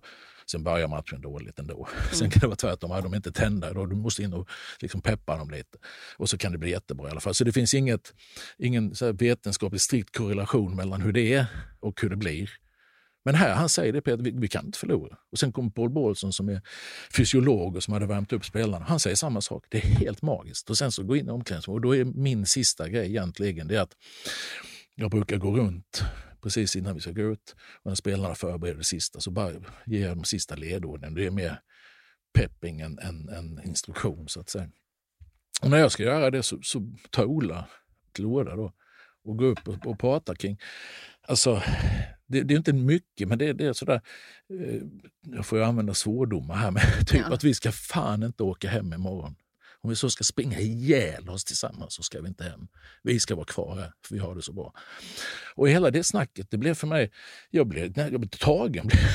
det, jag tror som sagt inte jag vet inte hur de uppfattade det, men ledarna, de andra ledarna kände precis samma sak. Så när det var min tur sen att liksom, jag brukar alltid säga det sista, hade jag inget mer att säga. Det var klart, sen gick vi ut. Och det, och det tycker jag också är coolt, eh, att du släpper det där. Alltså att, att en ledare som bara känner så här att precis, nu, inte går in och ska säga det sista. Nej, men det, Utan... det, fanns inte med. Det, det gick inte. Så. Och jag, jag är ju stor fan av, Chur av Churchill och hans tal under andra världskriget till nationen. Jag tycker de är häftiga. Va? Och jag säger att detta var Churchill stod på, på Olas snack i vår miljö. Det, det ska var... bli spännande att höra vad han ja, själv kommer ihåg av det. Jag ska ta när Men också att det betyder så mycket för andra. Eh, just vissa saker man gör som man själv kanske inte kan komma ihåg. Nej, men att också få det tillbaka då. Nej, att man inte tänkte på det. Och sen, vi pratade aldrig om det där sen. Jag tror aldrig jag pratade med Ola om det. Men nu är det tre år sedan, så det är roligt att höra. Liksom. Men vi ledare, vi har pratat, vi pratade om det sen vi fotbolls. För det är vi som är inne i omklädningsrummet närmst då, när, liksom, när det drar ihop sig. Att vi kände nog samma sak allihop. Det var häftigt.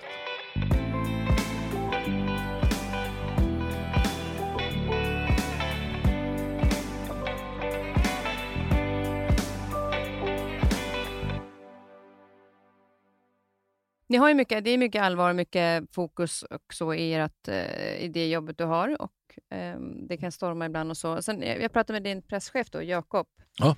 Kakembo Andersson och han sa just det här, du nämnde det lite tidigare i det här samtalet, att du är en liten retsticka. Alltså när du åker hiss, du gärna trycker på fel knapp så folk eh, går, går av på fel våning. Men och vad är det, för han, han själv sa just det här att det som gör att det är nära till skratt, det är att man får liksom tid till återhämtning på väldigt snabbt sätt. Det behöver inte vara liksom så långdraget till återhämtning, utan att det blir ett garv, man släpper tanken en stund och sen ser man tillbaka i fokus. Hur tänker du kring det här? Liksom? Är det bara att du är på olika humör olika dagar eller är det, liksom, är det lite uttänkt också ibland? Ja, nej, men det är nog uttänkt att ha en avslappnad... Alltså, jag behöver inte, bara för det man kan säga viktigt, det är ju fotboll, alltså, det är ju inte så viktigt egentligen. Men, men jag underskattar inte att det är så många som är så engagerade i det vi gör. Det, det underskattar jag inte, men, men, men, vi får ju liksom inte gå omkring och tro att vi behöver inte se ut som begravningsentreprenörer och tro att det är så viktigt allting. Det kostar bara energi. Utan, och, det, och man kan vara sån som vi är om vi har skapat den här kulturen tillsammans. Hade det funnits människor i den kulturen som inte liksom hade varit på ett annat sätt, då hade det inte blivit naturligt att man är på det sättet. Man ska kunna vara avslappnad. Och det här med att skicka av folk på fel våning, jag, jag tycker det är så roligt. Jag, jag lyckades första gången, på, vi bor ju på Scandic Park med Peter Wettergren. Då åkte vi, och vi, han bo, vi bodde på sjätte våningen. Och jag tryckte på femte och han går ut hissen och sen så höll jag dörren. Och jag, stod, jag kommer inte ihåg, det var någon spelare som var med i hissen också. Så går ju Peter fram och han har tredje dörren på vänstersidan. Och sånt. Så börjar han stoppa i sitt... Och så, han tittar inte ens upp? Nej, han är... nej, han vet ju inte. Det ser ju likadant ut. Mm. Och han står där och, blir, och han är så god Peter, för han är så där omedelbar in på så han blir förbannad. Och bara helvete! Så här, och, bara, och så ser han att jag står där. Så. och så är han på fel våning. Det är jätteroligt. Och sen har jag ju satt det i system eh, men numera går de ju inte på det längre. Det, och det som är dumt, jag ska koppla ihåg den, för då, det finns en högtalare i hissen på Park som säger våning fem. Ja. Och nu, då, nu har folk börjat bli misstänksamma. Så kan man få ändra den eller koppla ihåg den, för då, det hjälper dem att komma av på rätt våning. Jag kan inte skicka ut dem. Jag, jag, har, jag har till och med en gång skickat ut en familj på fel våning utan att jag tänkte mig för. Faktiskt. Nej, men det är sant. Ja. Som du inte kände? Nej. Men då skämdes jag lite efteråt, men jag kunde inte, jag kunde inte låta bli. Jag tyckte det var så roligt. Ja, men alltså, enkla sätt att få lite glädje i livet och göra liksom Ja. dagen. Och sen har jag ju själv, självklart har jag åkt på det själv också, för de, man vill ju sätta dit mig. Så jag har åkt dit någon gång själv också. Ja, men då är det, vad jag förstår också så är det ju väldigt bra att, att uh, skämta med. Du är väldigt tacksam och eh, tar det väldigt bra. Jag är väldigt tacksam. Jag, tyck, Ja. jag tycker det är roligt. Och det, det är ju det just det här med högt i tak, att vi kan liksom, det, jag, jag, det underlättar så mycket. Det, alltså, det, saker och ting blir så mycket enklare om man kan bjuda på något litet. Det är Mm. bra. Jag har också pratat med din eh, goda vän och medförfattare till boken, Ja, Henrik. ja, vad roligt. Ja, det är alltid lika roligt. Han kallar ju alltid mig för Pärlan. Ja, då förstår jag att du gillar honom. Ja, verkligen. Det, jag, det är väldigt sällan... Jag har inte så många smeknamn. Jag har ju bara ett förnamn också. Så när jag skrev till honom, han skrev Hej Pärlan, då blir jag ju så varm på en gång. Det var, men det roliga var att vi jobbade som programledare tillsammans och då var det Peter Settman som var eh, regissör. Och jag tror att Henrik var lite fokuserad. Så att när jag pratade så kanske han inte tittade så mjukt, utan han, han stod och liksom funderade på vad han skulle säga. Och då säger Peter Settman här, du ska ju titta på henne som att hon är din pärla. Ah, okej. Så därför kallar han sig för Pärlan. Så det är alltid lika roligt att smsa honom, för jag får alltid svara hej Pärlan. Ja. Men då, då ringde jag i alla fall eh, honom och han har, eh, ni har ju, en- som du nämnde tidigare, en bra relation, relation. Ni ses ofta efter landslagsmatcher men pratar väldigt sällan fotboll. Ehm, och sen hade han en fråga till dig. Jaha, roligt. Hej Janne! När man ser dig vid sidlinjen så verkar du ibland vara väldigt uppeldad och du verkar bra på att sprida gnistan vidare till spelarna ute på planen.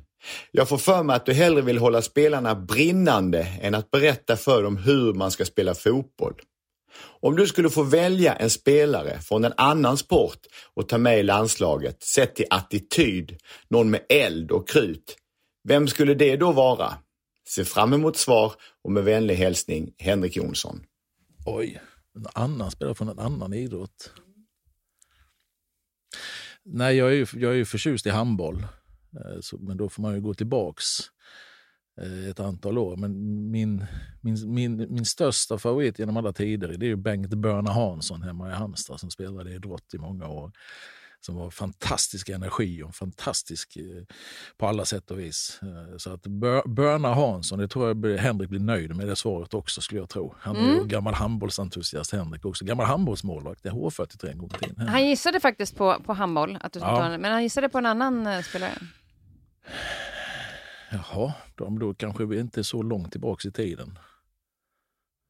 Nej, det Mm. finns många att välja på. Här. nej, han sa Lukas Nilsson. Ja. jo, men det, varför, var- varför ja, sa nej, men det kunde jag tänka mig. Hade jag tänkt ett steg till. Så. Nej, men Lu- Lukas är ju väldigt okomplicerad. Som har, de uttalanden, så jag känner ju inte honom, men Henrik jag brukar prata om honom ibland. För han, han vill ju skjuta. Alltså, han tycker det är roligt att skjuta. Och det är liksom, får han bollen så vill han skjuta. Det är liksom det det handlar om. Så, och det brukar vi, nu var inte, var inte Lukas med på det här mästerskapet, han har varit med innan, så brukar jag messa eh, Henrik när, när Lukas skjuter. På, det, det är liksom så okomplicerat. Ge mig bollen så skjuter jag. Det är, väldigt, det är roligt. Så att det, kan, eh, det förstår jag att han menade Lukas där. Ja. Vad betyder en sån vänskap som, som med Henrik, när det är så mycket fotboll och så mycket annat runt omkring, att ni ses eh, när ni har möjlighet och pratar om allt möjligt annat? Nej, men Henrik, och vi har ju byggt upp en relation. Så det är väldigt enkelt att umgås med Henrik. Jag tror att de flesta, när jag säger att liksom jag, Henrik jag gör en bok, ja, vad roligt säger folk. För att Henrik är en så fin människa. Så att, det- jag har inte hört någon som säger något negativt om honom. Utan han är väldigt mjuk, väldigt följsam och väldigt duktig, kunnig. Så att det är en väldigt bra kompis att ha. Så vi, vi pratar om allting. Och sen skriver han ju ner och spelar in och sånt. Och hur, hur vi ska få ihop det här till någonting som ska kunna bli läsbart. Det ska bli väldigt Det ska spännande. bli väldigt spännande. Ja. Vi, ska, vi ska snart runda av en liten stund. Jag vill bara först höra, det är snart eh, match. Mm. Eh, den kommande matchen då, Sverige-Georgien 25 mars på Friends. Eh, hur, hur känns det inför matcherna? För det är, det är ju två matcher, det är mot Kosovo också. Mm. Eh, och sen så, ni har tre matcher. Ja, vi har Estland som vänskapsmatch, Vänskapsmatch, men, men. Georgien och Kosovo är VM-kval. Ja. Så de, är, de är viktiga. Det är jätteviktiga matcher. Och lite småluriga matcher, för det är matcher som vi säkert är lite favoriter i såklart, men samtidigt mot ganska, ganska bra fotbollsspelare i de här länderna. Så att det, det gäller att göra saker och ting på det bästa sättet Mm. för att, för att liksom klara av det. Så att, men det känns för stort sett bra. Jag kommer ta ut truppen på, på tisdag den 16 mars. tar vi ut truppen. Och sen så samlas vi den 22 mars på måndagen. Och sen spelar vi den 25 så att det är väldigt kort tid med förberedelse som det är i landslagssammanhang. Nu har det jag har slutat bry mig om att det, eller jag har slutat vara stressad över det, för det är som det är. Det är bara, vi har hittat ett sätt att förbereda oss på som, som spelarna har hanterat på, på, på, på ett bra sätt, så jag är inte så stressad över det längre. Men som sagt, det är två, två dagar träning och sen är det match. Och sen så är det två dagar och sen ska vi spela i Pristina i Kosovo. Så att det, det, är, det är snabba ryck. Ja, det är snabba ryck. Och, och eh, det är då nu i vår, det som är bara om någon vecka. Eh, och sen har vi ett EM i sommar. Sen har vi ett EM i sommar. Mm. Det ska bli jätteroligt där vi har Spanien, Slovakien och Polen i gruppen. Så att, eh, med Hur mål, ser, hur ser det om de med, med de motståndarna i gruppen? Ja, Spanien hade vi ju i, de är ju bra. Det är ju liksom ett av världens starkaste, eh, en av världens starkaste nationer. Så att, men och vi har dem i vår grupp i VM-kvalet också dessutom. Så vi ska möta dem Ja, två det. gånger i höst också. Och vi mötte dem då i EM. I EM-kvalet så förlorade vi 3-0 borta. Där var de, där var de bättre än oss den dagen. Hemma hade vi faktiskt 1-0 in på övertid. De lyckades kvittera. Med ett litet slumpmål, så det var lite surt. Men så vi, vi har ju vi har ju gått på den här typen av nationer tidigare ibland och kunnat pressa dem ganska rejält. Så jag hoppas vi, vi kan få till en sån där fullträff som krävs. För man ska ju veta som sagt att de är väldigt bra. Så att Spanien, men det är så att det är sex grupper i VM och de två bästa i varje grupp går vidare plus de fyra bästa treorna går sen till åttondelsfinal. Så att vårt mål är att kunna ta oss vidare från gruppen. Eh, det är ju, det är ju där vi börjar. Är man med någonting så vill man komma vidare därifrån och så får vi se var vi landar någonstans. Det gör ni ju, tänker jag.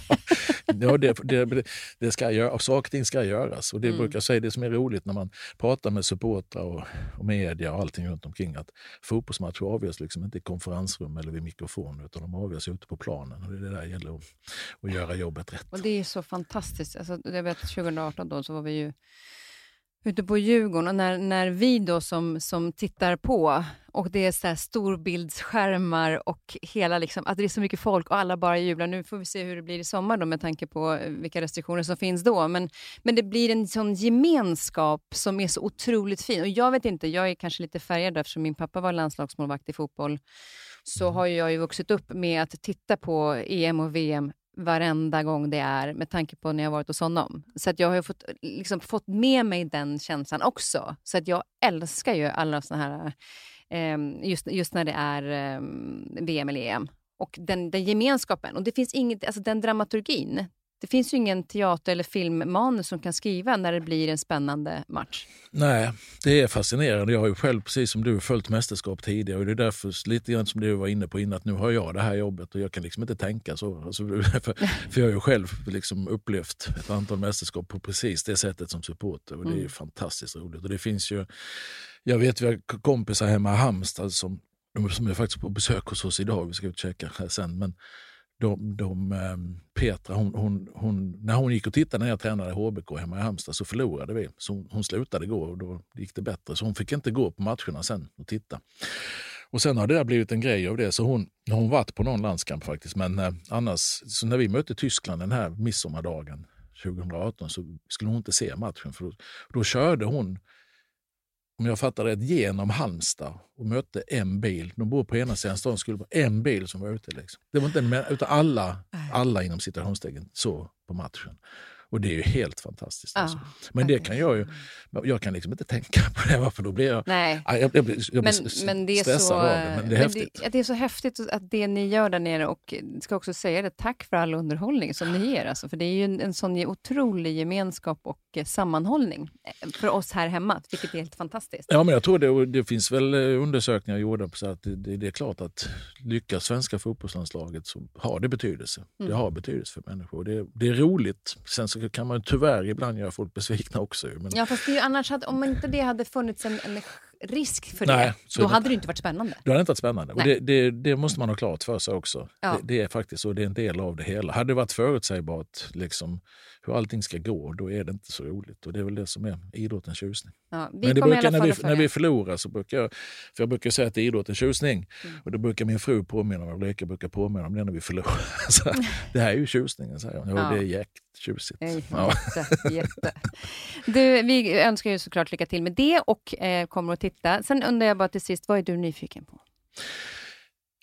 Jag är väl ganska nyfiken på ganska mycket, men så här rent konkret så är det, jag har, vi har tre barnbarn. Vi har två döttrar varav de har bildat familjer precis och har en, en Lo som är tre och ett halvt. Eh, har Louise och Nils och sen har Julia och Filip Vera som fyller tre om någon vecka här och lilla Malva som är tre månader. Och det, det är ju sådär som många som har blivit morföräldrar, farföräldrar pratar ju eh, om hur roligt det är med barnbarn och allt sådär. Och Jag har väl fnyst lite åt det där innan för jag tycker vadå, det kan, men det är precis så. Men vad Det är det som är fantastiskt. skillnaden? Vad är det som Ja, det- är... Nej men det är lite grann så, alltså, man får ju det gottaste på något sätt.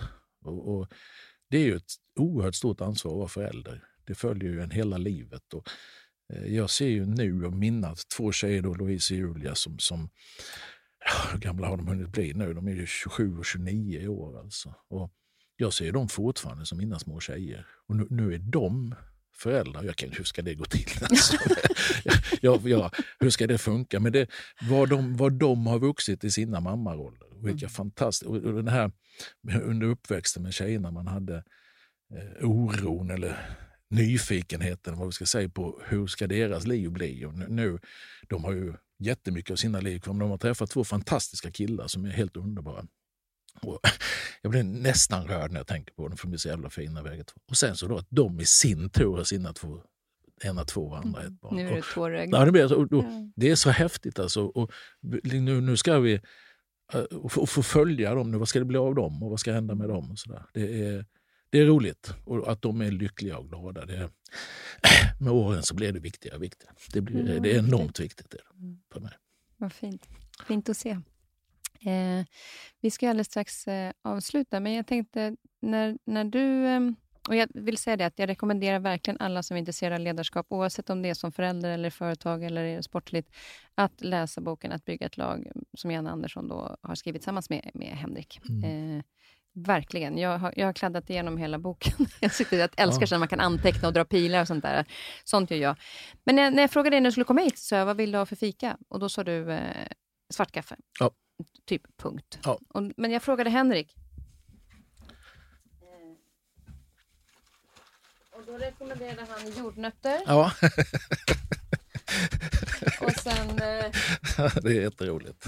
och sen nu eh, det är kanske lite för tidigt, men en öl. Ja, det är bra. Vad, vad är det där för grej med jordnötter och öl? Nej, det är min last i livet. Alltså jag, den här, eh, nu, jag, vi får göra reklam, för de bästa jordnötterna är Estrella röd påse. Alltså, de är överlägsna. Lyckas jag plocka rätt? Ja, det är helt fantastiskt. Är, jag trodde Henrik hade delgivet det. Nej, nej, jag Ja, har men bara det, köpt ja, dem men de är, det, det är det bästa. Och det, jag, eh, jag är manisk med, med dem, tyvärr. Och öl till. Det är så gott så det är vi lika i sig, jag och Henrik. Vi Men, jo, men han sa det också. Så här, men just det att när det har varit väldigt intensivt, där man gjort det och så bara så här, nu är jag klar, nu kan jag stänga igen. Ja.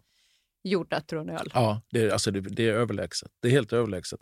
Och tyvärr är det ju kaloririkt, kan man ju sammanfatta det med. Men därför har jag jag har ju tränat mycket i mitt liv, men de senaste åren har jag slarvat lite. Men nu har jag kommit igång igen bra och det känns jättebra. Eh, Men, ja, men därför, du har ju stavarna nu. Jag har stavarna nu Ja. och jag kör faktiskt sån här, börjat med det också nu att eh, man äter på kvällen, sen äter man inte förrän lunch nästa dag. Sån Mm. liten halvfasta för jag behöver tappa några kilo känner jag. Så att, eh, det har jag börjat med och mår bra av det. Det var därför jag inte ville ha någon fika när du frågade utan då är det svart kaffe på förmiddagen som gäller. Men du får ta med dig jordnötterna. Så Det- när, när, det det är är ändå fredag när vi spelar in det här. Det är bra. Ja, vad bra. Men du, vi ska avsluta med en, eh, en låt som du har fått önska. Mm. Och vilken låt är det?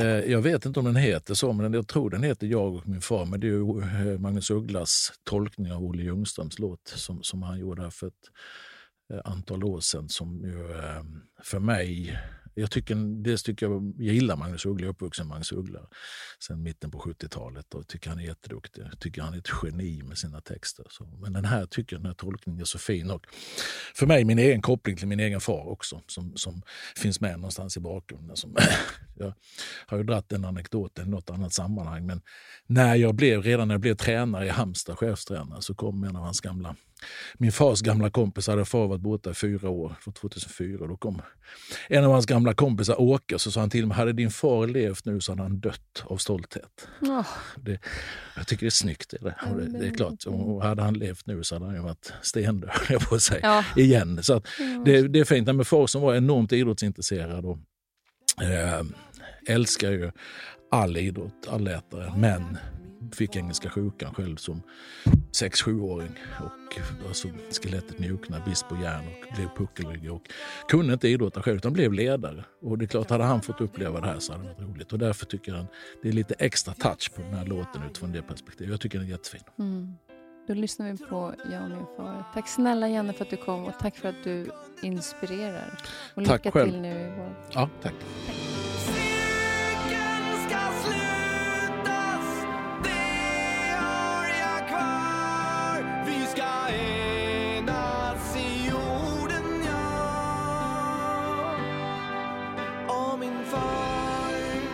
Nästa vecka träffar jag Jeanette Höglund. När hon var tonåring så försökte fyra män att våldta henne i tunnelbanan. Och även om tunnelbanevagnen var fylld med människor så var det ingen som gjorde någonting. Hon har sedan dess jobbat som vakt både i tunnelbanan och på nattklubbar. Allt för att skydda människor. När hon mötte gamla hemlösa på nätterna då bestämde hon sig för att hjälpa dem. Hon startade då organisationen Vid din sida som hjälper äldre, hemlösa, fattiga och ensamma. En fantastisk kvinna som verkligen gör skillnad.